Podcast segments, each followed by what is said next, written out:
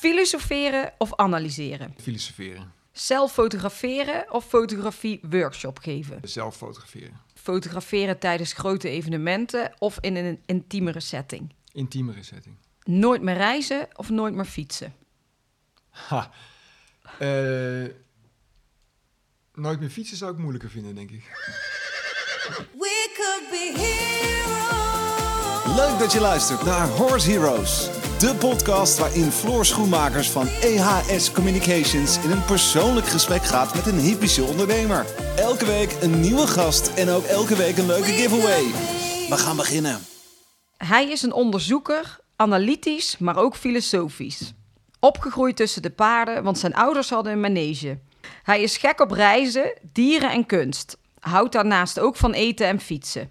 De basis van zijn onderneming is zijn archief van 175.000 foto's die alle gebieden van de paardenwereld bestrijken.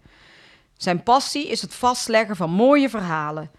Vandaag mag ik het gesprek aan met de autoriteit op het gebied van paardenfotografie en zit ik in het mooie Garderen in de regen aan tafel met niemand minder dan Arend Bronkhorst.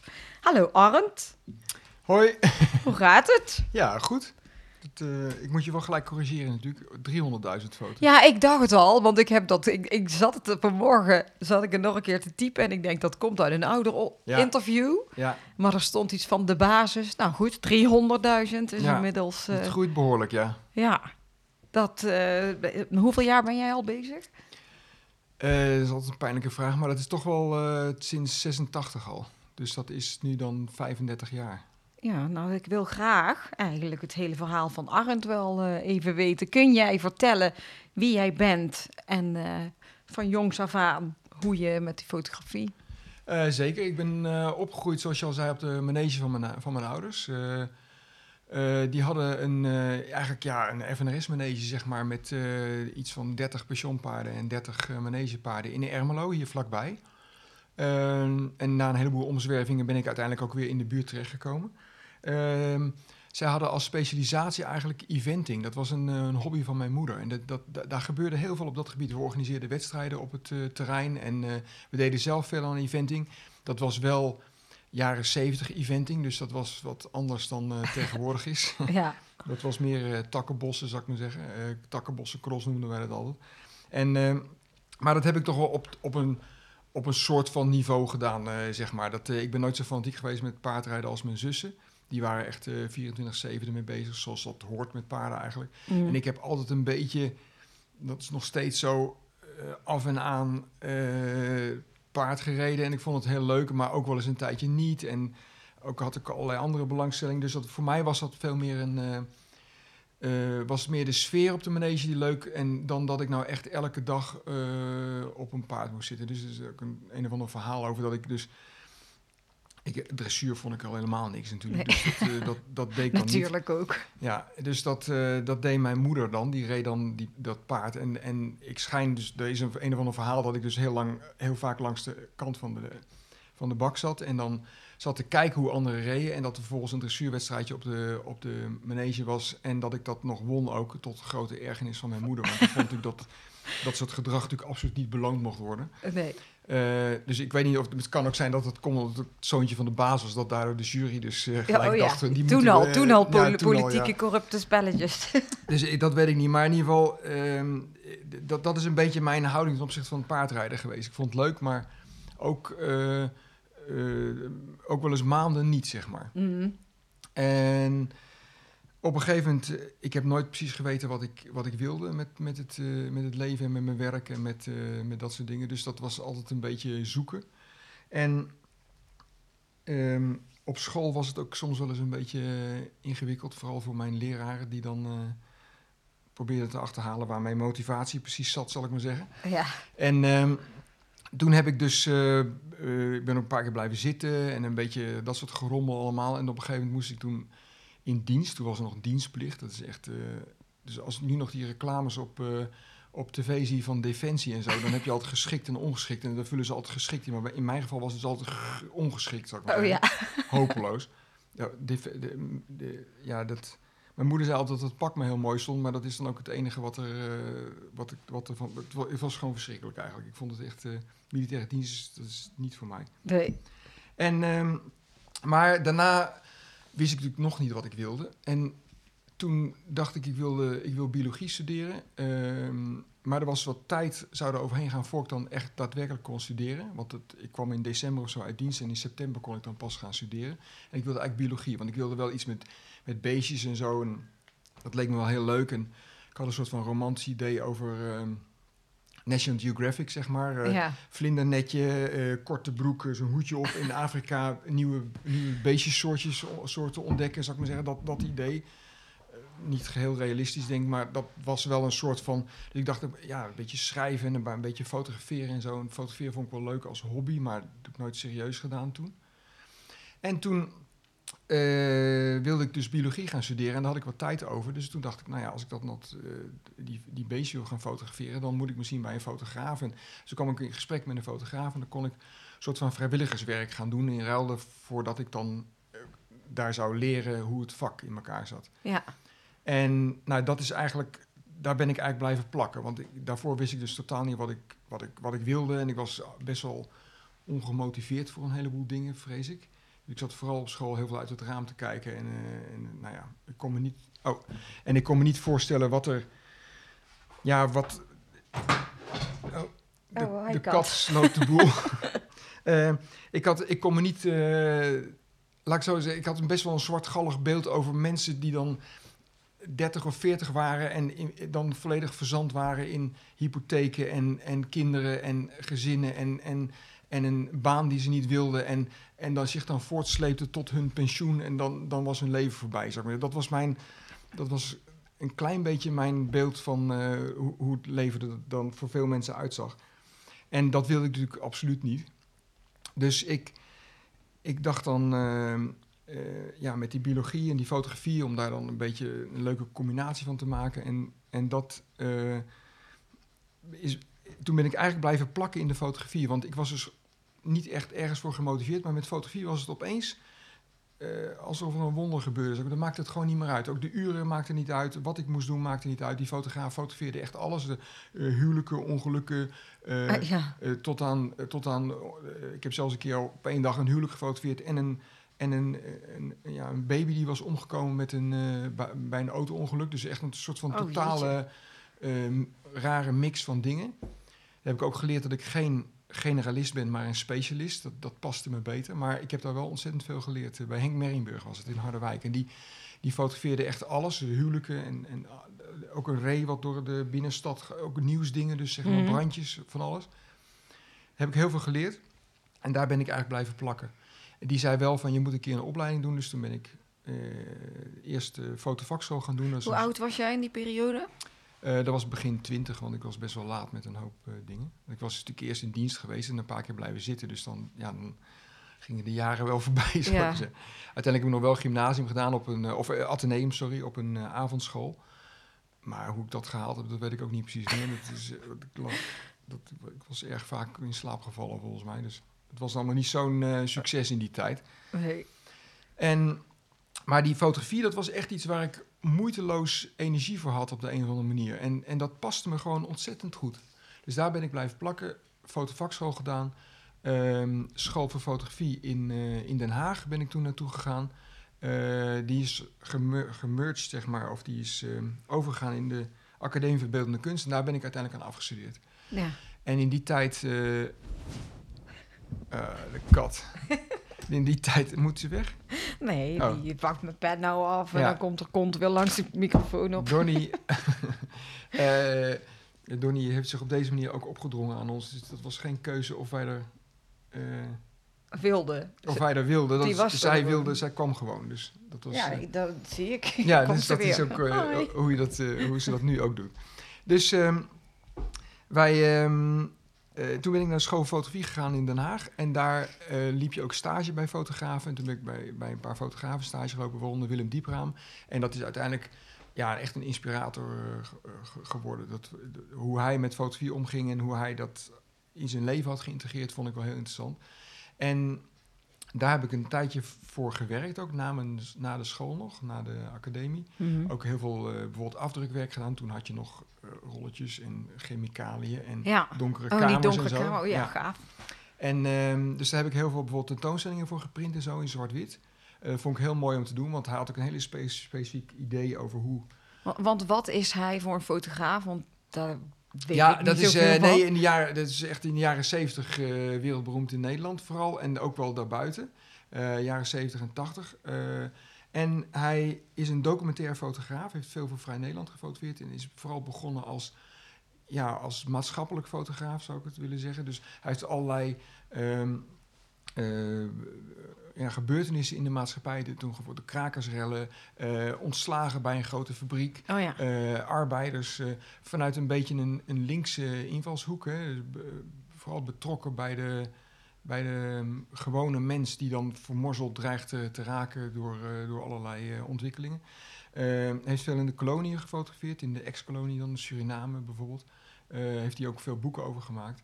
En ehm, echt een documentaire fotograaf die steeds meer geëvalueerd is naar iemand die heel lang be- bepaalde onderwerpen onderzoekt. Dus niet één dag ergens heen of een uur ergens heen en dat dan fotograferen, maar echt lange termijn onderzoeken van, een, van een onderwerp.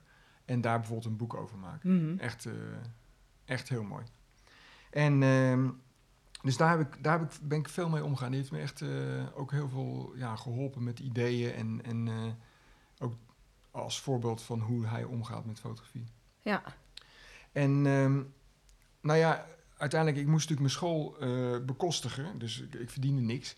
Ook bij die eh fotografen Harderwijk natuurlijk was dat was vrijwilligerswerk. Ik leerde daar een, ontzettend veel, maar ja, op een gegeven moment denk je natuurlijk toch van, eh, oké, geld, Ja. poen verdienen, huur betalen, lensjes kopen, hoe doe ik dat?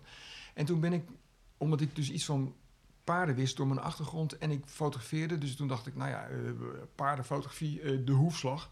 En toen ben ik naar de hoefslag gegaan. En eh, toen zat daar Maarten Jurgens als hoofdredacteur. En die heeft mijn foto's aanschouwd. En ehm, die zei zoiets van, ehm, u hoort nog van ons. Ik dacht, nou ja, dat is einde Dat- oefening. Maar dat waren nog allemaal foto's, niks met paarden die hij toen heeft gezien. Ja, dat waren wel paardenfoto's. Die ik, ik had toen foto's gemaakt, bijvoorbeeld op wedstrijden van mijn, eh, van mijn, eh, op, op de manege van mijn ouders. Oh ja. En eh, daar, daar hadden we samengestelde wedstrijden. Dus stond ik bij de waterbak en had ik allemaal ingewikkelde flitstoestanden en zo, om, om daar mooie foto's Oh, dus te je had maken. wel even een paardenportfolio gemaakt. Ja, een paardenportfolio en daar, gemaakt. te Ja. En ook wel zien. wat andere foto's, maar vooral natuurlijk paarden. En dat vond hij... Hij zei dat hij het wel mooi vond, maar hij zei ook van... Ja, ja u hoort nog van ons. Dus ik dacht echt van, nou, het, het wordt, het wordt nooit meer wat, weet je wel. Maar toen is hij toch... Vrij kort daarna werd ik gebeld voor een... Volgens mij voor een keuring van de NRPS of zoiets. Hier in Ermelo eh, op het federatiecentrum. En ehm, dus toen ben ik daar heen gegaan. En ik- dat was mijn eerste opdracht eigenlijk. En dat was in 86. En Ja. toen, ehm, toen is het, ja... Ik heb nooit een enige carrièreplanning gedaan, moet ik heel eerlijk bekennen. Dus toen, daarna ja, kwamen er gewoon meer opdrachten en meer dingen. Ik, heb, ik woonde in Amsterdam vanwege die stage met Willem Diepraam. En toen had ik daar ook een aantal klanten, eh, ontwerpbureaus. En eh, daar heb ik bijvoorbeeld jaarverslagen voor gefotografeerd. eh, portretten, dus totaal buiten de paarden eigenlijk. Mhm. Wat ik ook heel leuk vond, want ik vond het wel grappig om in twee werelden te zitten. Want in, de, ja, in, in het weekend deed ik dan wedstrijden en dat soort dingen. Dus het was allemaal snel fotograferen, bam, bam, bam. En dan zondagnacht afdrukken en zo, zat, eh, maandagochtend foto's afleveren in Den Haag bij eh, Zuidgroep heet het geloof ik toen nog, bij BCM, zeg maar Ja. bij, eh, Ja, ja. Ja, bij de pa van eh, Gijs. En ehm, daar, eh, dat was dan op maandagochtend, dan had je de hele nacht doorgewerkt en zo. En dan door de week maakte ik bijvoorbeeld eh, po- portretten van young potentials bij AXO, zou ik maar zeggen. Ja, compleet iets anders. Ja, dat vond ik heel leuk. En dan met de Hasselblad en dan de- deed je een halve dag over een portret en zo. Dus dat, was totaal, dat vond ik heel leuk. Om, die combi van, heb ik altijd heel leuk gevonden. Dus toen, dat is ja, langzamerhand steeds meer geworden. En op een gegeven moment werd het wel steeds meer paardenfotografie. Want ja, de paardenwereld, dat we- dat weten we, dat is nou eenmaal een hele specifieke wereld. Ja. Met zijn eigen, het is eigenlijk zijn eigen wereld, met zijn eigen regels en zijn eigen eh, muren eromheen. Ehm, en eh, daar, ehm, nou ja, daar, daar heb ik natuurlijk uiteindelijk heel veel in gefotografeerd. Daar kreeg ik steeds meer klanten in. Vond ik ook leuk. Mijn achtergrond heeft daar enorm mee, mee geholpen natuurlijk. Want ja, als je naast een paard staat, dan iedereen, ook dat paard heeft onmiddellijk door of je al vaker met paarden bent omgegaan, zeg maar. Ja. Dat is echt, eh, ja, dat, is, dat heb, je, heb je nog steeds als je iemand spreekt of iemand staat naast een paard en hoe die zich dan gedraagt of de woorden die hij gebruikt. Je weet binnen 10 seconden is dat een paardenmens of Ja, is het geen. ja, spreekt hij de paardentaal? Dat ja, is, dat eh, is echt eh, onmiddellijk zo. En, ehm, dus dat heeft me altijd wel geholpen natuurlijk. Ik ben wel voor een heleboel mensen ben ik wel een beetje de. Ik heb heel lang heel lang haar gehad en, Ja. en ben ik een beetje een soort van langharig, eh, merkwaardig figuur uit Amsterdam geweest. Dus dan kwam ik bij een paarden, een hengstenhouder of zo en die zei dan van, eh, ja, de andere fotografen eh, die eh, zetten hem altijd daar neer. En dus de- zullen, we daar, zullen we hem daar nu ook maar neerzetten? Die hadden dus niet zo heel veel vertrouwen in blijkbaar. dat jij dacht, nou nee, dat doe ik Dus dus niet. nou ja, dan dacht ik altijd van, nou oké, dan doen we dat. Maar dan doen we ook nog ergens anders. En dat is dan, was dan mijn favoriete plekje, zou ik maar zeggen.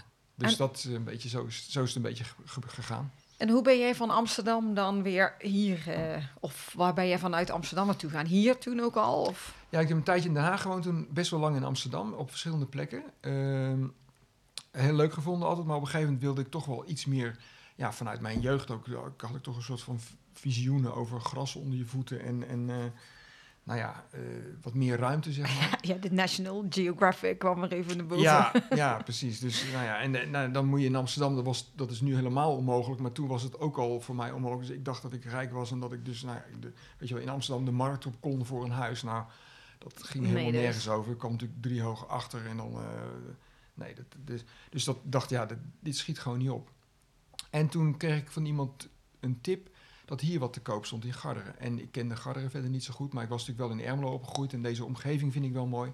Dus toen gingen we hier kijken en toen was ik wel eens vrij snel eh, verliefd. Met alles wat erbij hoort, namelijk dat je door een ro- roze bril kijkt en alle zwarte gaten en ellende die er ook was hier niet zag. Ja. Eh, want het, het was gewoon een... Ja, degene die het verkocht, die zei van je kan er zo in. Maar dat was iets optimistisch eh, geredeneerd, zou ik maar zeggen. Dus het was, er moest nog wel iets gebeuren. Dus we hebben heel hard aan gewerkt een tijd.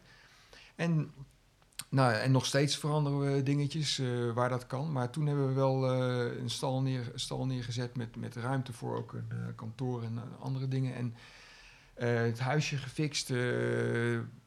dat, nou ja, dat soort dingen allemaal gedaan. En toen zijn we hier gaan wonen. Dat is, dat is nu ook alweer eh 17 jaar geleden of zoiets. En heb jij hier eh, ook een studio of zo waar je veel fotografeert?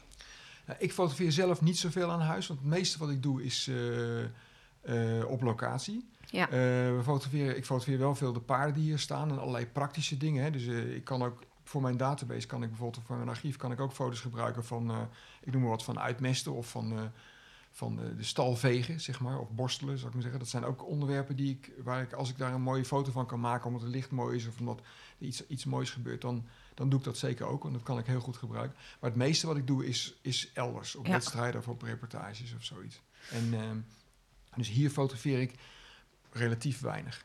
En als dat jij nu vandaag jouw eh, bedrijf moet omschrijven van wat jij doet, Mhm. wat, wat is het nu dan? Eh, het is iets meer een mediabedrijf geworden. Want de laatste ehm, jaren... Op een gegeven moment kwam er vanuit de fotografie ook wel wat vraag naar, naar video. Dat heb ik altijd een beetje afgehouden. Omdat ik vind echt dat het een ander vak is. Hè. Dat het, er, zit ook, er zit natuurlijk wel... Op de camera's tegenwoordig zit er ook een rood knopje. En als je dat indrukt, dan film je.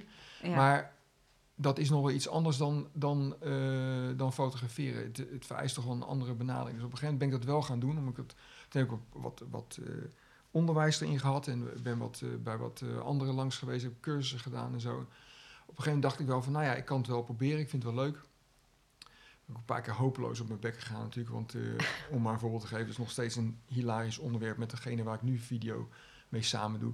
Die eh, herinnert mij daar af en toe fijntjes aan... dat het geluid niet altijd... eh, ik heb echt gewoon staan filmen dat een microfoontje van de persoon afgedonderd was en dat ik dat niet goed terugluisterde en dat ik dat niet in de gaten had en op de opnames na afloop denk van wat is er met het geluid gebeurd en dan zag je zo'n microfoontje hier naar beneden Oh ja. dingen, zou ik maar zeggen, oeps. ja. Dus dat, dat, dat soort krukkigheden heb ik echt gehad en echt verschrikkelijke dingen. Dus, maar ik, ik vond het wel heel leuk om te doen, en, maar ik merkte ook al snel dat het een andere benadering eh, had. Dus mijn bedrijf is nu wat, wat, eh, wat breder, zeg maar. Het is natuurlijk, eh, helemaal aan het begin deed ik dus van alles met paarden als, als een soort van speerpunt. Toen heb ik heel lang eigenlijk alleen maar paarden gefotografeerd. Mhm. Met alles wat eromheen. Dus ook ook klanten in de paardenwereld. Dus bijvoorbeeld, ik fotografeer ook, ook veel voor kledingmerken, zeg maar. De- maar dat is dan ook weer omdat er een, eh, omdat het voor ehm, ruiters is. En dan moet er weer een paard bij. En als dat, ik zeg altijd, ja, als dat paard in de achtergrond niet goed opstaat, dan koopt bij wijze van spreken toch weer niemand. Als paardenmensen kijk je toch naar dat paard. Ja, dus dat klopt. paard moet er dan toch weer goed op staan. Ja. Dus daarvoor komen mensen dan toch bij mij. En dat vind ik wel een leuke verbreding van mijn portfolio, maar dat is het vaak geweest. En tegenwoordig is het ook veel eh, workshops en eh, video erbij. En die video of het filmen is eigenlijk in de laatste jaren ook weer heel erg buiten de paardenwereld eh, terechtgekomen. En dat vind ik ook heel leuk, omdat het weer allerlei ja, onderwerpen zijn waar ik dan niks van weet. En dan moet je dan in gaan verdiepen. Ja. En, en mijn eigen rol is daar ook een klein beetje in veranderd. Want met fotograferen doe je alles zelf. Ik heb altijd heel veel moeite gehad om het aan een ander over te geven. Dus Mhm. ik nooit... Dat, in mijn ogen kan dat ook nauwelijks, zeg maar. Maar met filmen, alles in je eentje doen, is zo goed als onmogelijk. Want dan, eh, ja, dan mo- moet je een soort van achtarmige octopus zijn. Want Ja. al die zooi, het geluid, eh, het licht... eh, het is nog, nog veel meer spullen dan, dan fotografie, wat ik overigens wel leuk vind. Want het is ja, alles waar knopjes op zitten en licht en geluidje en lampjes en zo. Dat vind ik allemaal wel spannend. Maar het is toch echt anders werken. Je moet veel meer voorbereiden. Je, je hebt te maken met een script. Je moet, je moet toch, zeg maar, als je een goed verhaal wil vertellen, moet je het verhaal eerst natuurlijk ja, goed kennen en dan vertalen naar beeld. En hoe kan je dat dan? Je kan eigenlijk niet zoals bij fotografie spontaan ergens aankomen en dan maar zien wat er gebeurt. Ja. Want dan eindig je meestal niet met een goed filmpje, zeg maar. Het kan natuurlijk wel in een soort van vlogstijl, maar echt als je een, een, bijvoorbeeld iets corporate wil neerzetten of je wil iets goed uitleggen, dan moet je daar toch wel iets meer verdieping in hebben. En dus ik ben zo langzamerhand een beetje geëvalueerd naar. eh, eh, nou regisseur is een groot woord, maar ik, ik doe nu vaak productie, script, regie, zou ik maar zeggen. ja, superleuk ook. En dat vind ik dus ontzettend leuk. Ja, dat, ja. dat snap ik helemaal. Ja. Wat is eigenlijk jouw unieke kenmerk van jouw foto's? Waarom zijn jouw foto's zo anders dan alle andere fotografen? Als dat je dat eh, kunt omschrijven. Ja, dat is altijd heel lastig. Ik, ik, er zijn, ik, denk, ik denk dat van fotografie...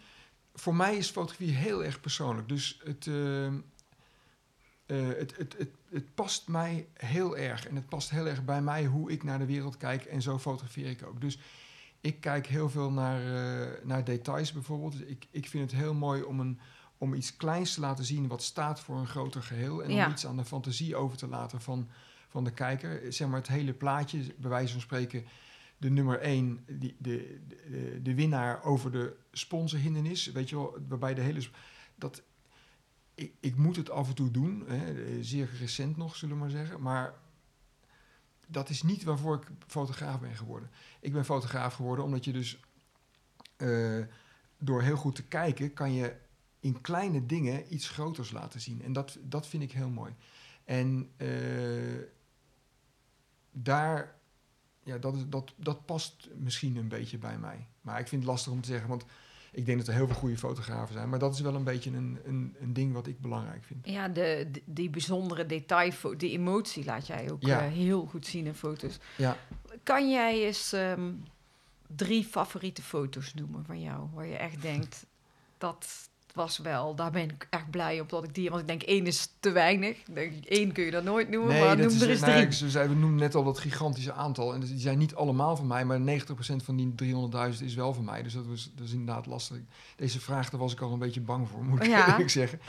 Eh, nou, er is eentje die, me- die me altijd wel ja, gelijk in mijn hoofd komt. En dat is een foto die ik min of meer toevallig heb gemaakt. En dat vind ik ook een heel mooi begrip. Dat, dat is serendipiteit, eh, serendipiditeit moet ik zeggen. En dat is dat je iets vindt wat je eigenlijk niet gezocht had. En dat vind ik zelf wel een heel mooi, mooi gegeven, wat je ook in de fotografie vaak wel tegenkomt. Ik ben best wel van het, van het eh, proberen te regisseren en, en van tevoren ehm, te bedenken wat er kan gaan gebeuren. Maar één foto die ik heb gemaakt, in de, eh, die ik daardoor wel, wel extra spannend vind, is een foto van, eh, van, een, van een, een schimmel. Wel, ik- Die had ik eigenlijk ge- geportretteerd. En min of meer, ja, een portret was op zich mooi licht en eh, de omgeving was mooi en zo. Maar daarna liet de eigenaresse dat paard eh, los en die ging rollen. En ik stond erbij en ik zag dat uit mijn ooghoek en dat zag er ontzettend mooi uit. En het rolde precies in een mooi ja, plukje licht en het was, zag allemaal... alleen ik stond eigenlijk te dichtbij. En toen heb ik eigenlijk met een te lange lens een, een, min of meer toevallig en heel snel een foto genomen. En dat, daar paste alles heel goed in. Dus die foto zit eigenlijk te krap in het frame en het is eigenlijk te close. Maar daardoor is het wel een foto waar, waar je dus in eerste instantie denkt van... hé, wat, Wat het zijn bijna alleen maar vormen, zou ik maar zeggen. Je ziet een, een rollend paard. En, eh, en dat, dat, dat is bijvoorbeeld een foto die ik wel heel, eh, heel spannend vind. Omdat die min of meer spontaan of, of, of niet geregisseerd tot stand is gekomen. Ja, En dat is denk ik ook wel een paar andere foto's die, ik- die ik mooi vind. Hè? Dus je, ik probeer vaak de omstandigheden heel goed te krijgen en, en eh, de, de- te regisseren bijna. Dus te zorgen dat iets gebeurt op een bepaalde plek. Maar wat er dan precies gebeurt, en helemaal met paarden, laat zich niet altijd regisseren. nee. Dus ik, ik probeer vaak een kader te maken, zeg maar, letterlijk en figuurlijk met licht of met de achtergrond of met, met de omstandigheden. En daarbinnen dan iets spontaan te laten gebeuren.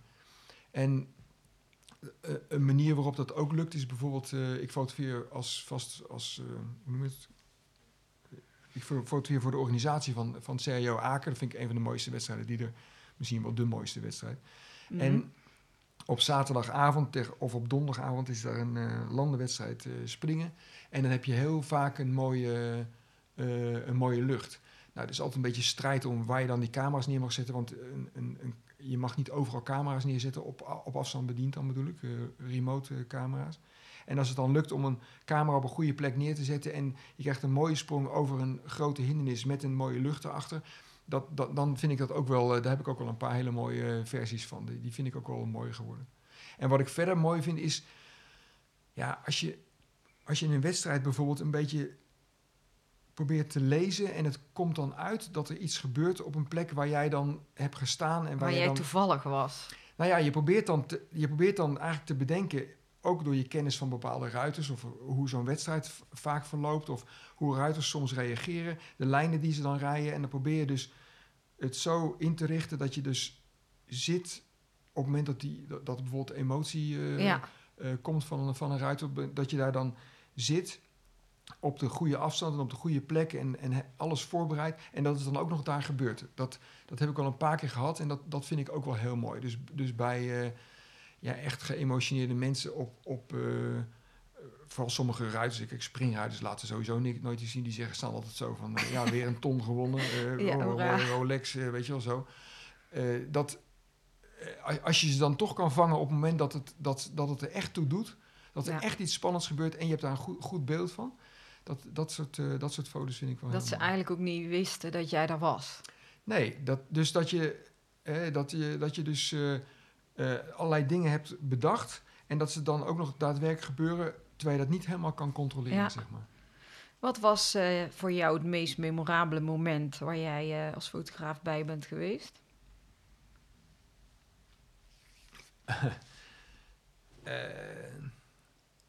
Nou, ik denk ehm, ja, Sydney Oli- Olympische Spelen, dus eh, Jeroen Dubbeldam.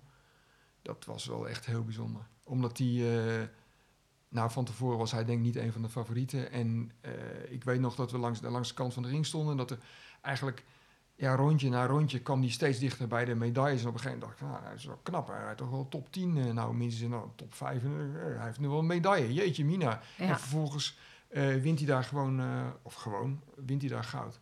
En de Olympische Spelen zijn, ondanks dat het een, weet je wel, het, het is in die zin gewoon een wedstrijd. Er staan gewoon dressuurhekjes en er staan gewoon eh, hindernissen die soms op andere wedstrijden misschien zelfs nog wel hoger zijn. Of, Mhm. of, eh, maar omdat het Olympische Spelen zijn, is het emotioneler en bijzonderer dan, dan, dan ergens anders. En dat, dus ik denk toch dat aan dat soort grote kampioenschappen, dat, dat, eh, dat het daar een beetje aan hangt. Dus, dus Jeroen Dubbeldam bijvoorbeeld, eh Ankie met een aantal van haar medailles, Totilas in eh, Windsor, Ja, eh, de Grand Prix Special in Kaan van Adelinde met Parsifal. Toen liep die gigantisch goed.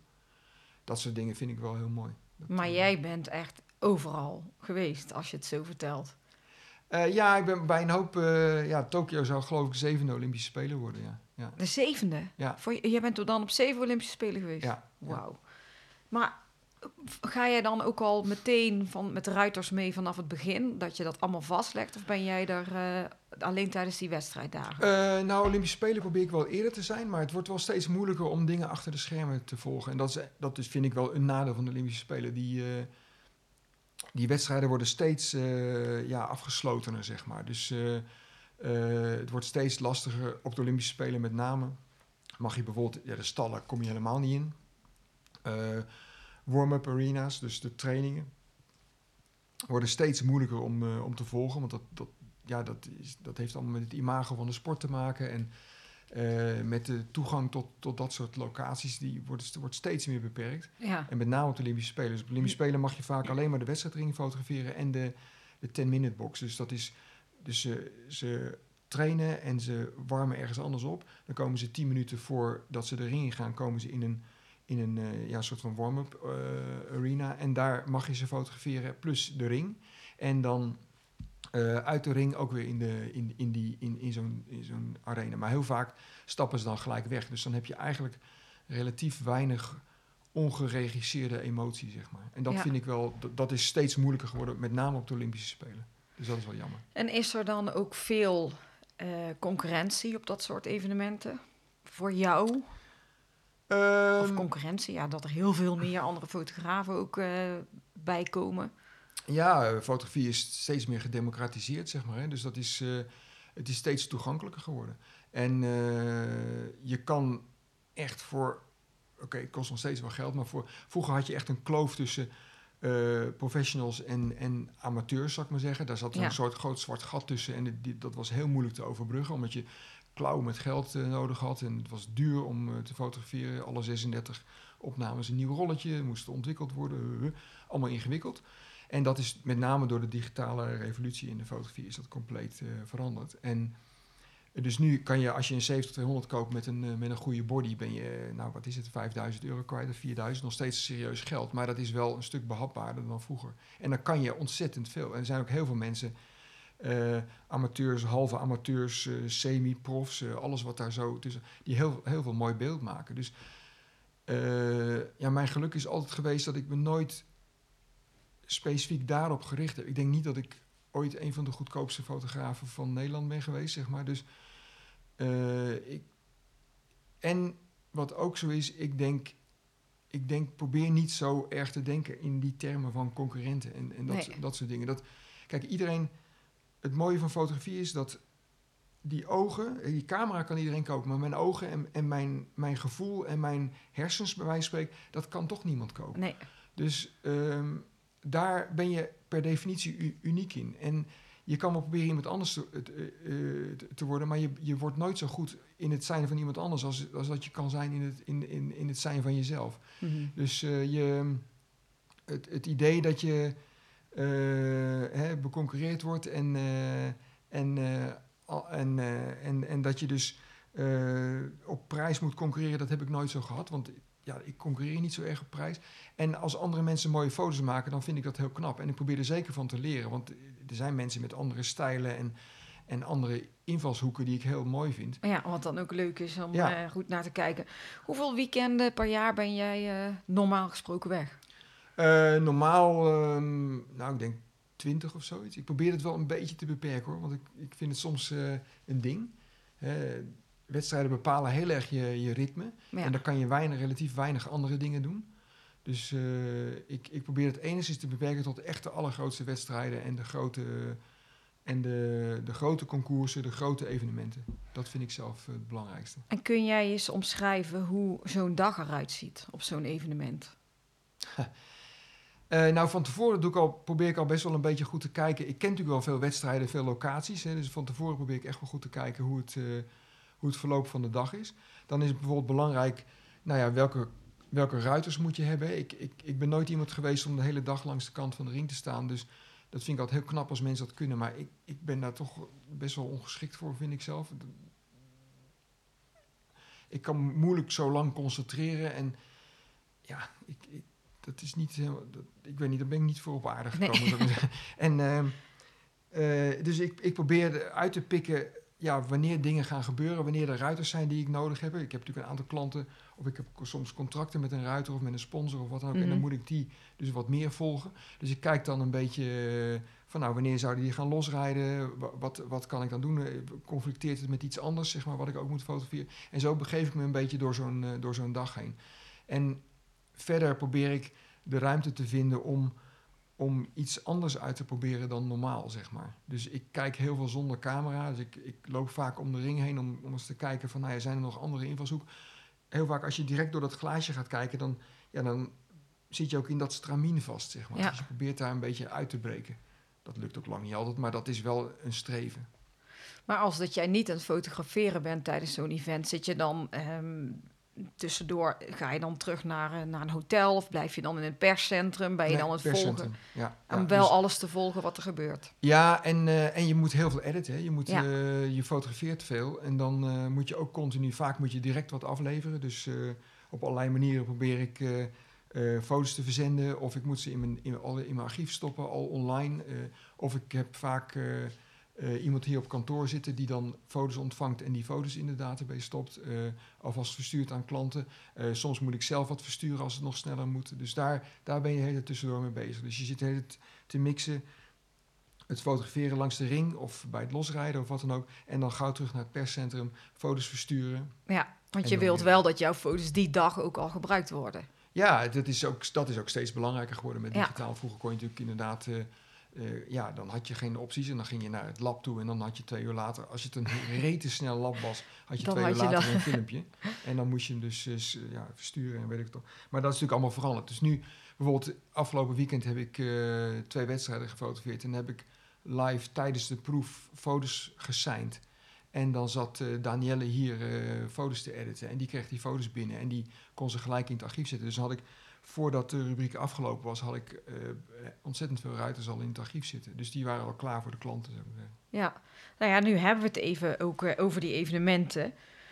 Nou ja, er zijn, jij hebt er nu afgelopen week weer een paar mogen doen, Ja. eindelijk. Ja. Maar ehm, toen het maart 2020 was, jij stond waarschijnlijk ook al klaar op Indo-Brabant. Precies, ik was op Indo-Brabant en daar heb ik uiteindelijk alleen maar eh, lege hallen en treurige mensen gefotografeerd. Ik weet nog een foto van eh, Ankie en, en Gijs Bartels. onder Oh, aan die is die van Aan die jou Bali, ook? ja. Die in alle kranten de hele tijd Ja. komt. Ja, en die staat dus... ja, ik voelde me bijna, bijna beschaamd om die foto te maken. Gelukkig, ik ken ze goed, dus dan... Ze Ja. weten geloof ik wel, hoop ik, dat ik daar niet als een soort van aasgier sta. Maar goed, het was natuurlijk wel een echt een pijnlijk moment. Ze, Ja. dus, ja, ze stond natuurlijk letterlijk met een hand in hun haar. Van, dit was gewoon niet te geloven. Gewoon. Dat is een, een uur... Ja, de, ik geloof dat de eerste ruiter nog net niet op zijn paard zat om los te rijden. Maar het scheelde niet veel. Het was natuurlijk eh, krankzinnig. Mhm. Ik had net een, ook nog voor de Olympische Spelen in, van Tokio, die achteraf dus ook niet doorging, had ik net een, een complete nieuwe set eh, camera's gekocht. Er was geswitcht van cameramerk, dus het was voor mij ook een moment om nou ja, dat allemaal uit te proberen. En ik dacht, van, nou, eh, wedstrijd uitproberen en eens even kijken hoe dat allemaal werkte. Ja. Kost ook klauw met geld, die, die spullen, dus ik moest... Ja, ik dacht wel van, nou, in Brabant even, even proberen, weet je wel. Ja, één foto.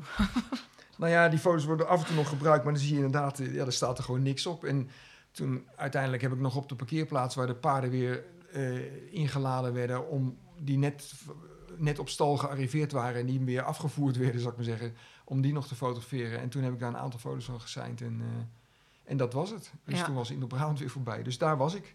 En, en toen, daarna, de rest van het jaar, hoe heb jij dat eh, ervaren? Wat heeft het met je bedrijf gedaan? Nou, ja, vooruitkijkend was het natuurlijk wel eh, schrikken. Want eh, ik had toen bijvoorbeeld een aantal filmprojecten ook eh, staan. En die zijn allemaal, die werden allemaal geschrapt. We hadden, ik weet nog dat we in februari, maart vorig jaar, nee, ja, vorig jaar, zaten we, zat ik met die, met die jonge Remco Haverga, waar ik veel mee samenwerk in de film, zaten we echt nog te puzzelen om filmprojecten overal tussen te passen en of dat wel zou lukken en weet ik dan. Nou, toen was natuurlijk in één klap de agenda leeggeveegd. Dus toen zat ik wel even van, eh, oké, en, En wat nu? nu? Ja, Eh, help.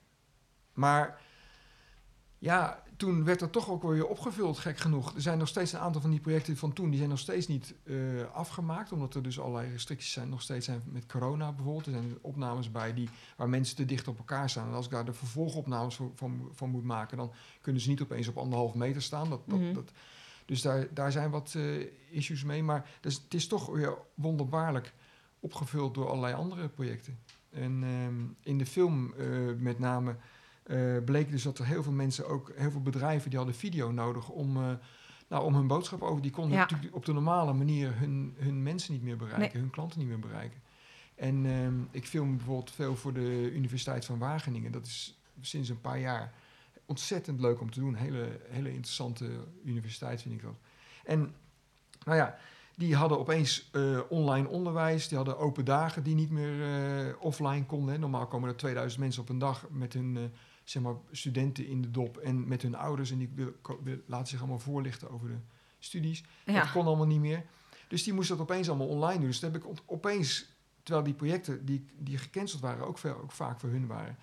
Dus toen was de agenda leeg. Maar vervolgens vulde die zich weer met dit soort dingen allemaal. Voorlichting over corona, over eh, bedrijven eh, die dus op een andere manier hun klanten wilden bereiken. En dan is video natuurlijk wel opeens heel belangrijk. En Ja. fotografie in mindere mate ook.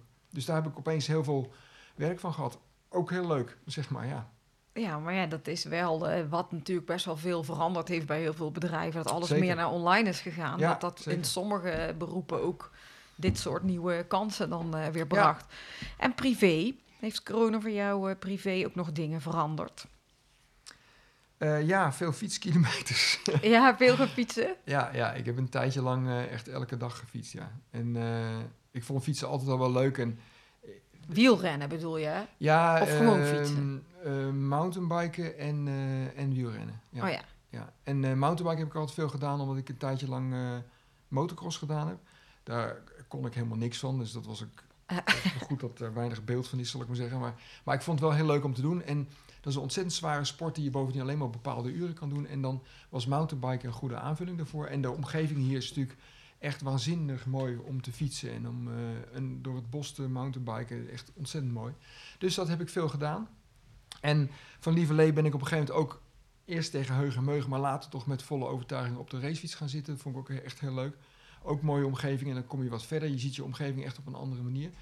En ik vind het wel, ja, ik vind het gewoon wel lekker om, om fit te zijn. En ik, ik, voor, voor mij mentaal is het goed om, om fit te zijn. Daar voel ik me beter bij.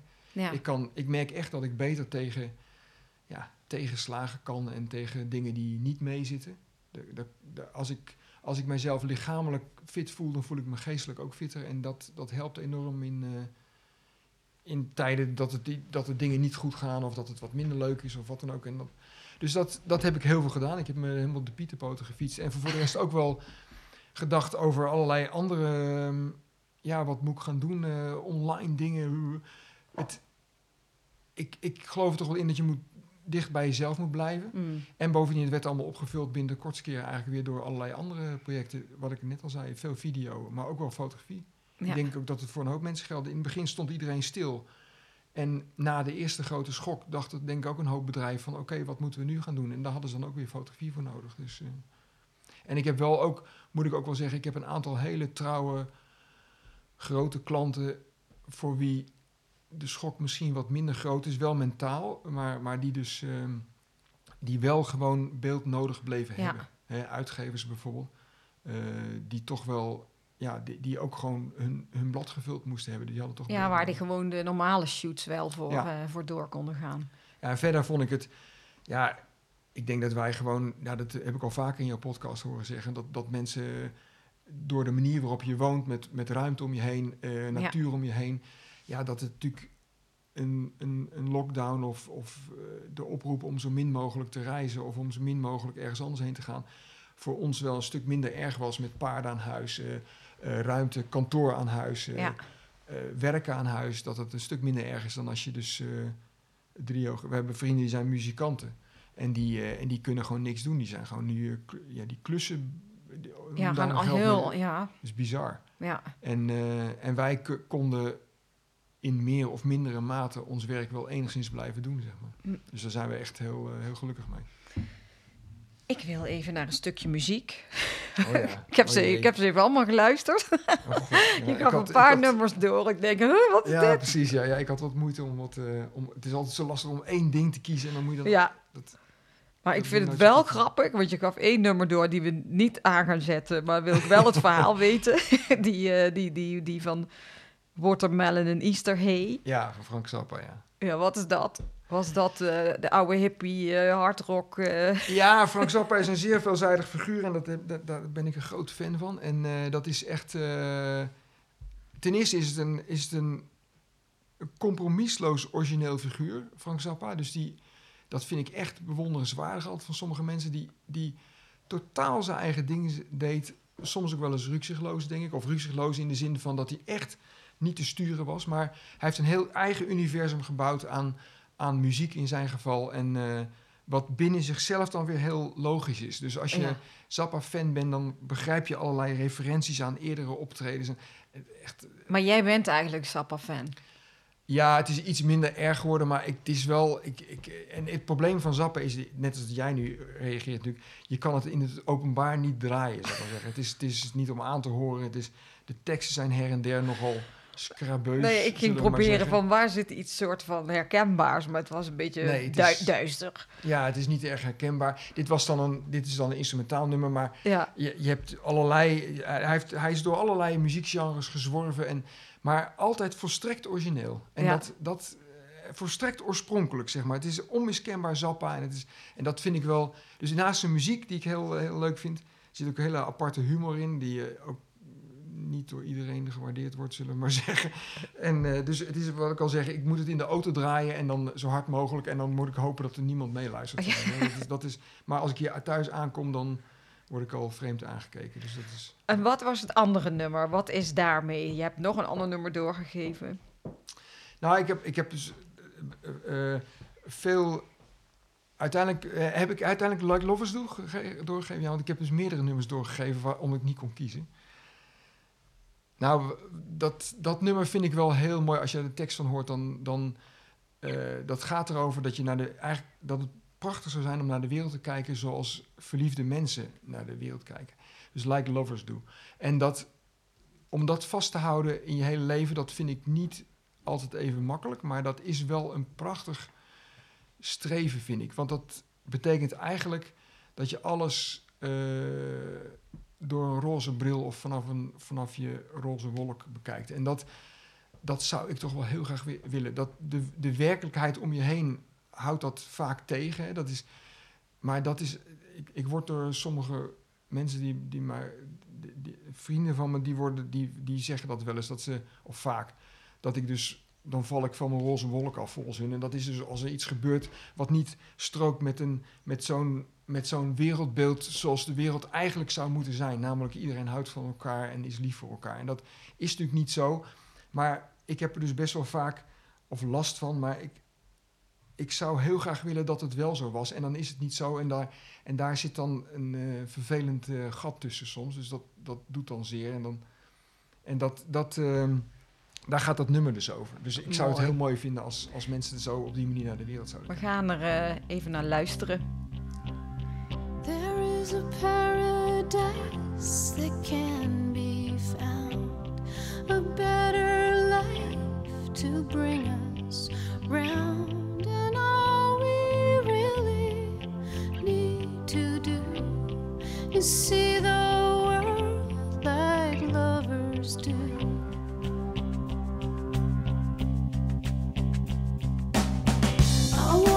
take it easy, take it slow, to catch a fire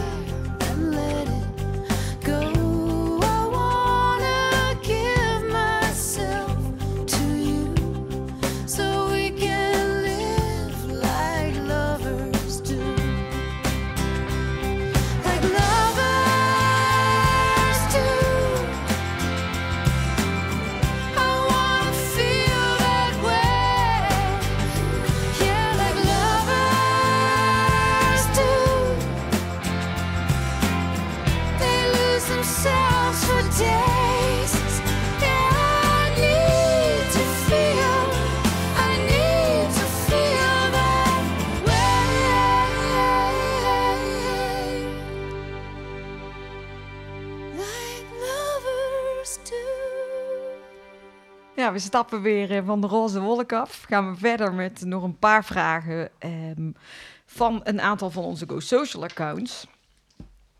Ehm, Sharon Smit vraagt zich af met welke camera en lens fotografeer jij het allerliefste? Ja, dat is heel grappig. Dat is echt een van de meest gestelde vragen. Dus eh, eh, hoe duur is de lens? Hoe ver kan je ermee kijken? Welke lens is het? Welke camera? En de grap van mij is dat ik, ik vind het ontzettend belangrijk. Ik ben echt een, ik ben best wel een beetje een techniekfreak. Of eh, sommige Mhm. mensen zeggen gadgets. Nou, ik beweer altijd dat ik gadgets alleen koop. Tegenwoordig ben ik daar enigszins in gegroeid. Dus ik koop nu alleen maar spullen die ik dan ook daadwerkelijk gebruik. Maar ik heb er gewoon een tijd gehad dat ik spullen kocht omdat ik ze heel mooi vond, maar vervolgens bleken ze toch in de kast te blijven liggen. Dus ik vind zeker techniek heel belangrijk, maar uiteindelijk moeten we allemaal onthouden dat het daar natuurlijk niet om gaat. Eh, het gaat natuurlijk om, om je ogen en, en, en wat daarachter gebeurt. Ja. En dan maakt het echt geen bal uit of door welke lens of welke, welke camera. Maar de vra- die vraag wordt heel gesteld. En nogmaals, ik, ik ben zelf toevallig net geswitcht. Ik ben een aantal keren geswitcht in mijn leven. Dat kan ik niemand aanraden. Want het is... eh, je bent elke keer een auto kwijt. ja. eh, Het is echt verschrikkelijk. Ah, voor je oude spullen krijg je niks. En voor je nieuwe spullen betaal je de hoofdprijs. Maar de laatste keer ben ik geswitcht naar, eh, naar Sony van Nikon. Ehm, voor mijn gevoel stond Nikon een beetje stil qua ontwikkeling in een aantal eh, moderne dingen. En daar was Sony heel goed in. Vorig jaar voor de Olympische Spelen, vlak voor Indo-Brabant dus. Indo-Brabant was mijn eerste wedstrijd met mijn nieuwe Sony set. Allemaal blinkend spul. ja. En vervolgens eh, heb ik er drie, nou niet drie foto's, maar wel een paar foto's meegemaakt. En daarna was het over. Eh, dus dan heb ik veel met, met Sony. En ik, ik denk de lens waar ik het meest mee fotografeer is een 400 mm 2.8. Mhm. Die had ik zowel van Nikon als nu van Sony. Eh, ik heb eerst met de Sony, met de Nikons heb ik al D5 eh, gefotografeerd. Dus zeg maar het topmodel van Nikon. Hele goede camera's. Toen de D6 uitkwam, vond ik daar een beetje weinig ontwikkeling in zitten. Dus toen ben ik naar Sony gaan kijken. En toen ben ik geswitcht naar de Sony A9 II.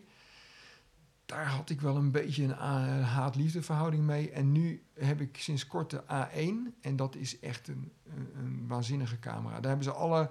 Het lijkt wel of ze alle klachten die ik had over de A9 II... Dat was een hele goede camera, maar er zaten ook enorme nadelen aan. En die klachten lijkt wel, waar ik het in over heb zitten zeuren... Het lijkt wel of ze die ze allemaal hebben opgelost.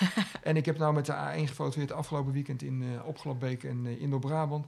Nou, echt uh, fenomenaal. Nou, ik hoor jou een hoop technische dingen zeggen Ja. en ik denk, ik doe het lekker met mijn iPhone. Ja, precies. Nou ja, dat, de- de- je grap is dat, je met een iPhone fantastische foto's kan maken. En een iPhone heeft mij ook geleerd om heel lossig te fotograferen. Ja. Dus eh, dat is het leuke van een iPhone. Je vangt daar momenten mee die je met een camera niet, niet Ja, vangt. want dat is ook een, eh, een vraagje van, eh van Cavalinda, een van die accounts. Als dat Ja. jij een tip kan geven aan alle paardeneigenaren als ze zelf hun paard heel mooi op de foto willen zetten.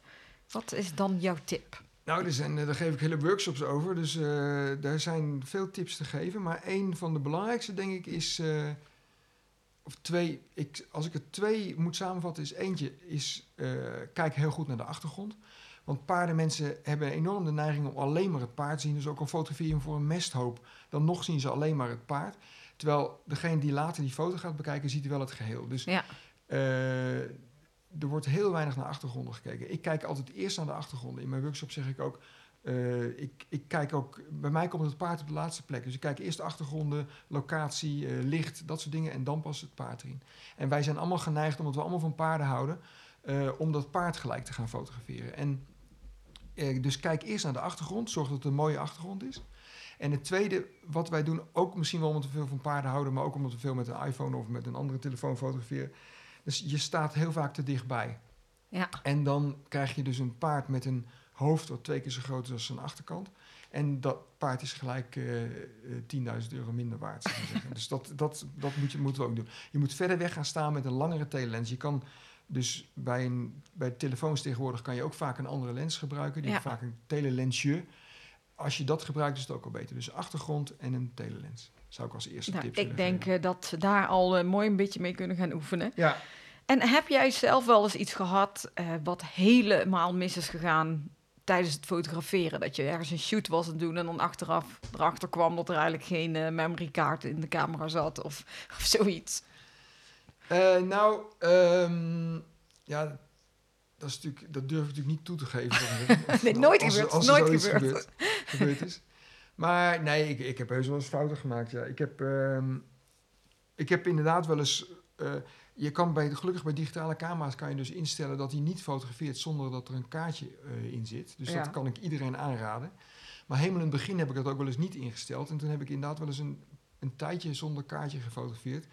Eh, gelukkig kwam ik er op een gegeven moment achter. Maar toen heb ik wel, moet ik zeggen, moet ik heel eerlijk toegeven, een beetje toneel gespeeld. Dus toen heb ik een tijdje nog door. Toen kwam ik erachter. Toen kreeg ik natuurlijk zo'n dikke kop van. Ik dacht, oh, wat, wat- hoe los ik dit op? Toen heb ik wel even doorgefotografeerd. En daarna heb ik zogenaamd het kaartje gewisseld. Maar in werkelijkheid dus een nieuw kaartje erin gedouwd. Ja. En die, toen had ik dus wel gelukkig foto's. Eh, dus het is me eigenlijk nog nooit gebeurd afkloppen dat ik helemaal met niks thuis kwam. Nee, maar goed, dan is het dus dat iedereen dit wel eens eh, mee heeft gemaakt. Zeker. fotografeert. Ja, ja, absoluut. Maar je kan dus instellen dat je niet zonder kaartje kan fotograferen. En dat kan ik echt iedereen aanraden. Want dat doe ik dus bij, als een van de eerste dingen met een nieuwe camera doe ik dat. Ja, en ik had nog een vraag, ook Ja. nog van Sharon. Ehm, zij vraagt zich af van, is er nog een soort paard of een combinatie of een model die jij nog eens heel graag voor de lens zou willen hebben? En dat mag ook, denk ik, dat, dat staat er niet, maar dat vind ik, dat het mag ook iemand zijn die, niet meer, die er niet meer is. Oh, die er niet meer is. Jeetje, dat vind ik een moeilijke vraag. Ja, ik heb natuurlijk best veel mensen gefotografeerd. En het is zeker niet dat iedereen even makkelijk fotografeert, maar bij iedereen is er wel wat te halen, zeg maar. Er is altijd wel eh, eh, iets bijzonders te halen. En, en ik moet heel eerlijk zeggen dat ik niet onmiddellijk een... eh, Elvis. Elvis heb ik een keer gefotografeerd in Las Vegas, maar dan een nep Elvis. Ja. Daar, daar lopen een heleboel nep Elvis Ja, daar lopen rond. een heleboel Dat is echt Elvis. hysterisch. Ja. Dan kan je gewoon een nep Elvis inhuren en dan... die Ja. lopen overal gewoon los in het wild ook rond. Ja. En dan, dan kan je daarmee op de foto. Dat is echt, toen was ik wel lichtelijk verbaasd. Nou ja, ik heb, ja, ik heb in de paardenwereld bijna iedereen wel, eh, Wel al gefotografeerd. wel gefotografeerd, ja. Maar het is wel zo, als je bijvoorbeeld met fotomodellen werkt, dan, dan die acteren, zeg maar. Dus dat is wel, dat kan soms ook heel acteerderig overkomen. Mhm. Maar de allerbeste daarvan zijn zo eh, natuurlijk dat je daardoor, eh, ja, dat je daardoor eigenlijk eh, dat acteren weer vergeet, zeg maar zeggen. Ja. En dat heb ik met sommige modellen wel, wel gehad, ja, dat je er heel bijzonder. Maar ik, ik, het is niet zo dat ik één iemand nog Ja. nooit gefotografeerd heb die ik dan nu Dat je denkt, per dat se zou ik nog willen doen. Nee. Ehm, als jij eh, even naar de toekomst kijkt, Ja. wat zijn jouw eh, toekomstplannen? Over tien jaar, wat ben je aan het doen? Ja, dat, eh, ik, ik, ik, nou, wat ik al eerder zei, ik heb nog nooit aan enige... Ik kan echt op geen enkele manier claimen dat ik, dat, ik, dat ik strategisch iets heb ingezet... en dat ik dan dacht, oh, dat, dat is uitgekomen. En dan echt op geen enkele manier. Ik ben echt een, een, een maloot wat dat betreft. Het is tot nu toe eigenlijk allemaal min of meer op mijn pad gekomen.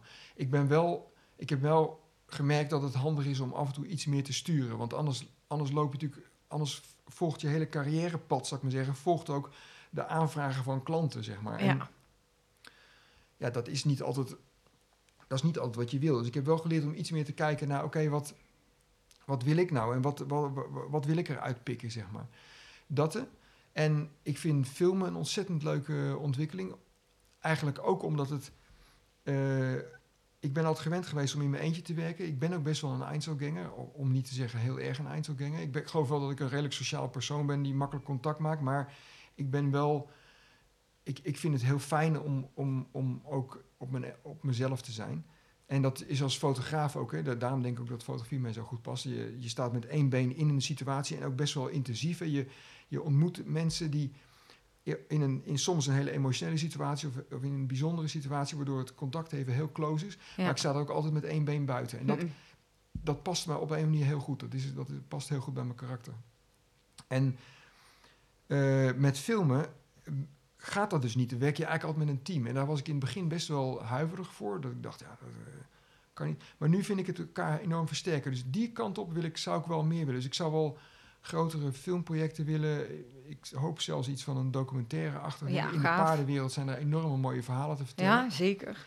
Maar er zijn ook heel veel barrières voor, waardoor je, weet je, wel, mensen willen niet altijd alles laten zien. Er zijn natuurlijk achter de schermen bij ruiters en zo, en bij bijvoorbeeld de voorbereiding naar de Olympische Spelen, daar zijn, daar, daar zijn natuurlijk prachtige dingen te maken, Ja. omdat je dus, eh, hè, omdat iedereen die tegenslagen tegenkomt. Iedereen heeft twijfels over, lukt het wel? Wat is met mijn paard aan de hand? Waarom, gisteren deed hij nog... Ik was afgelopen weekend nog op een wedstrijd en dan zie je dan bekende ruiter...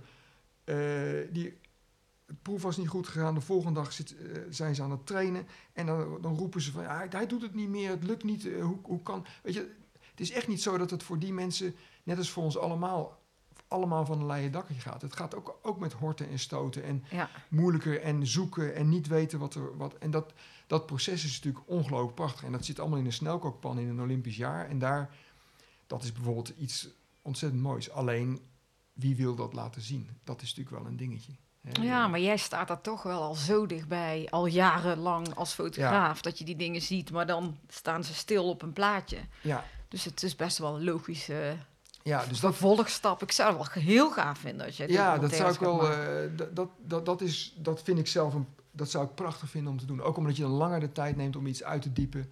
Eh, je ziet eh, ontwikkeling. En ik denk dat dat verhaal wat ik net, net beschreef, dus dat, dus dat die ook een hele succesvolle sporter waarvan je denkt, ja, die, weet je wel,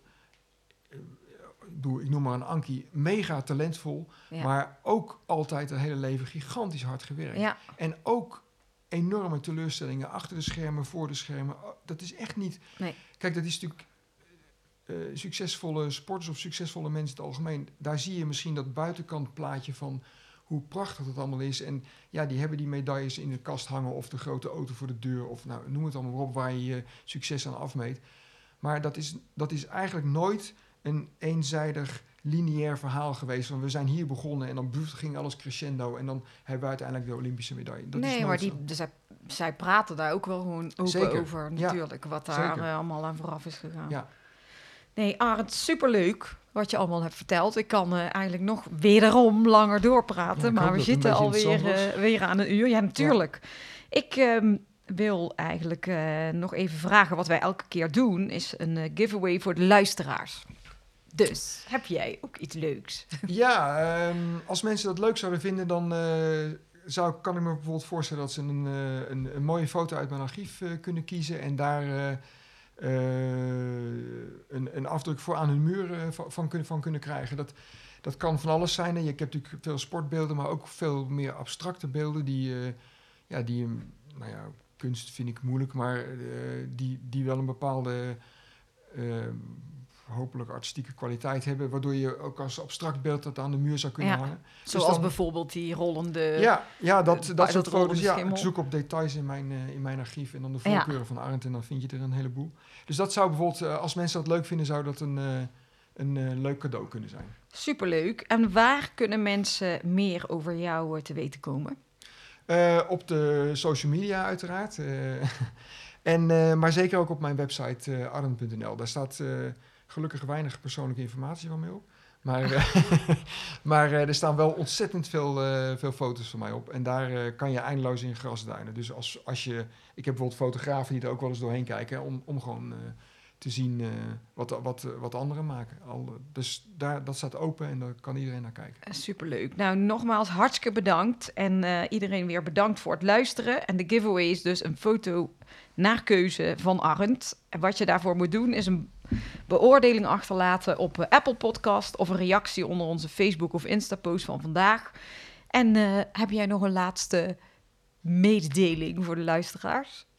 Nee, ehm, ik hoop dat iedereen een beetje ook, ook de, de andere kant van de coronacrisis heeft eh, kunnen zien. Hè. Dus het is een hele, ook een, op een bepaalde manier een hele leerzame periode geweest voor ons allemaal. Ik denk voor, voor mij zeker, en ik, dat hoor ik van een hoop mensen, dat je ook eh, dat je uit het normale leven bent gehaald door die hele coronacrisis. Dat dat ook, ook leerzaam is, eh, dat, dat je daar ook lering uit kan trekken. Ja. Op een heleboel manieren. Dus eh, je, je dagelijkse routine is anders, maar ook het contact met, met mensen is anders. eh, met andere mensen. Ook de dingen die je misschien in je normale leven wat minder hebt gewaardeerd, kan je nu opeens wat meer waarderen. Zo zijn er wel, eh, eh, ondanks de enorme impact die het op ons allemaal, de negatieve impact, kan je, ook, kan je er hopelijk, dat hoop ik echt, dat er mensen ook eh, positieve dingen uit hebben kunnen halen. Meer, eh, meer door een roze bril gaan kijken.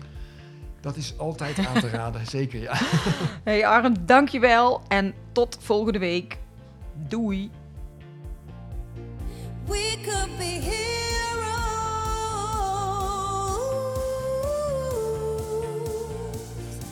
Dit was hem weer, de Horse Heroes podcast. Wil je meer weten over Floor, haar bedrijf of deze podcast? Kijk dan even op de website van ehscommunications.nl. En wat je ook zeker even moet doen, is je abonneren op deze podcast om geen enkele aflevering te missen. Het zou helemaal top zijn als je dan meteen een beoordeling achterlaat. Tot volgende week! We could be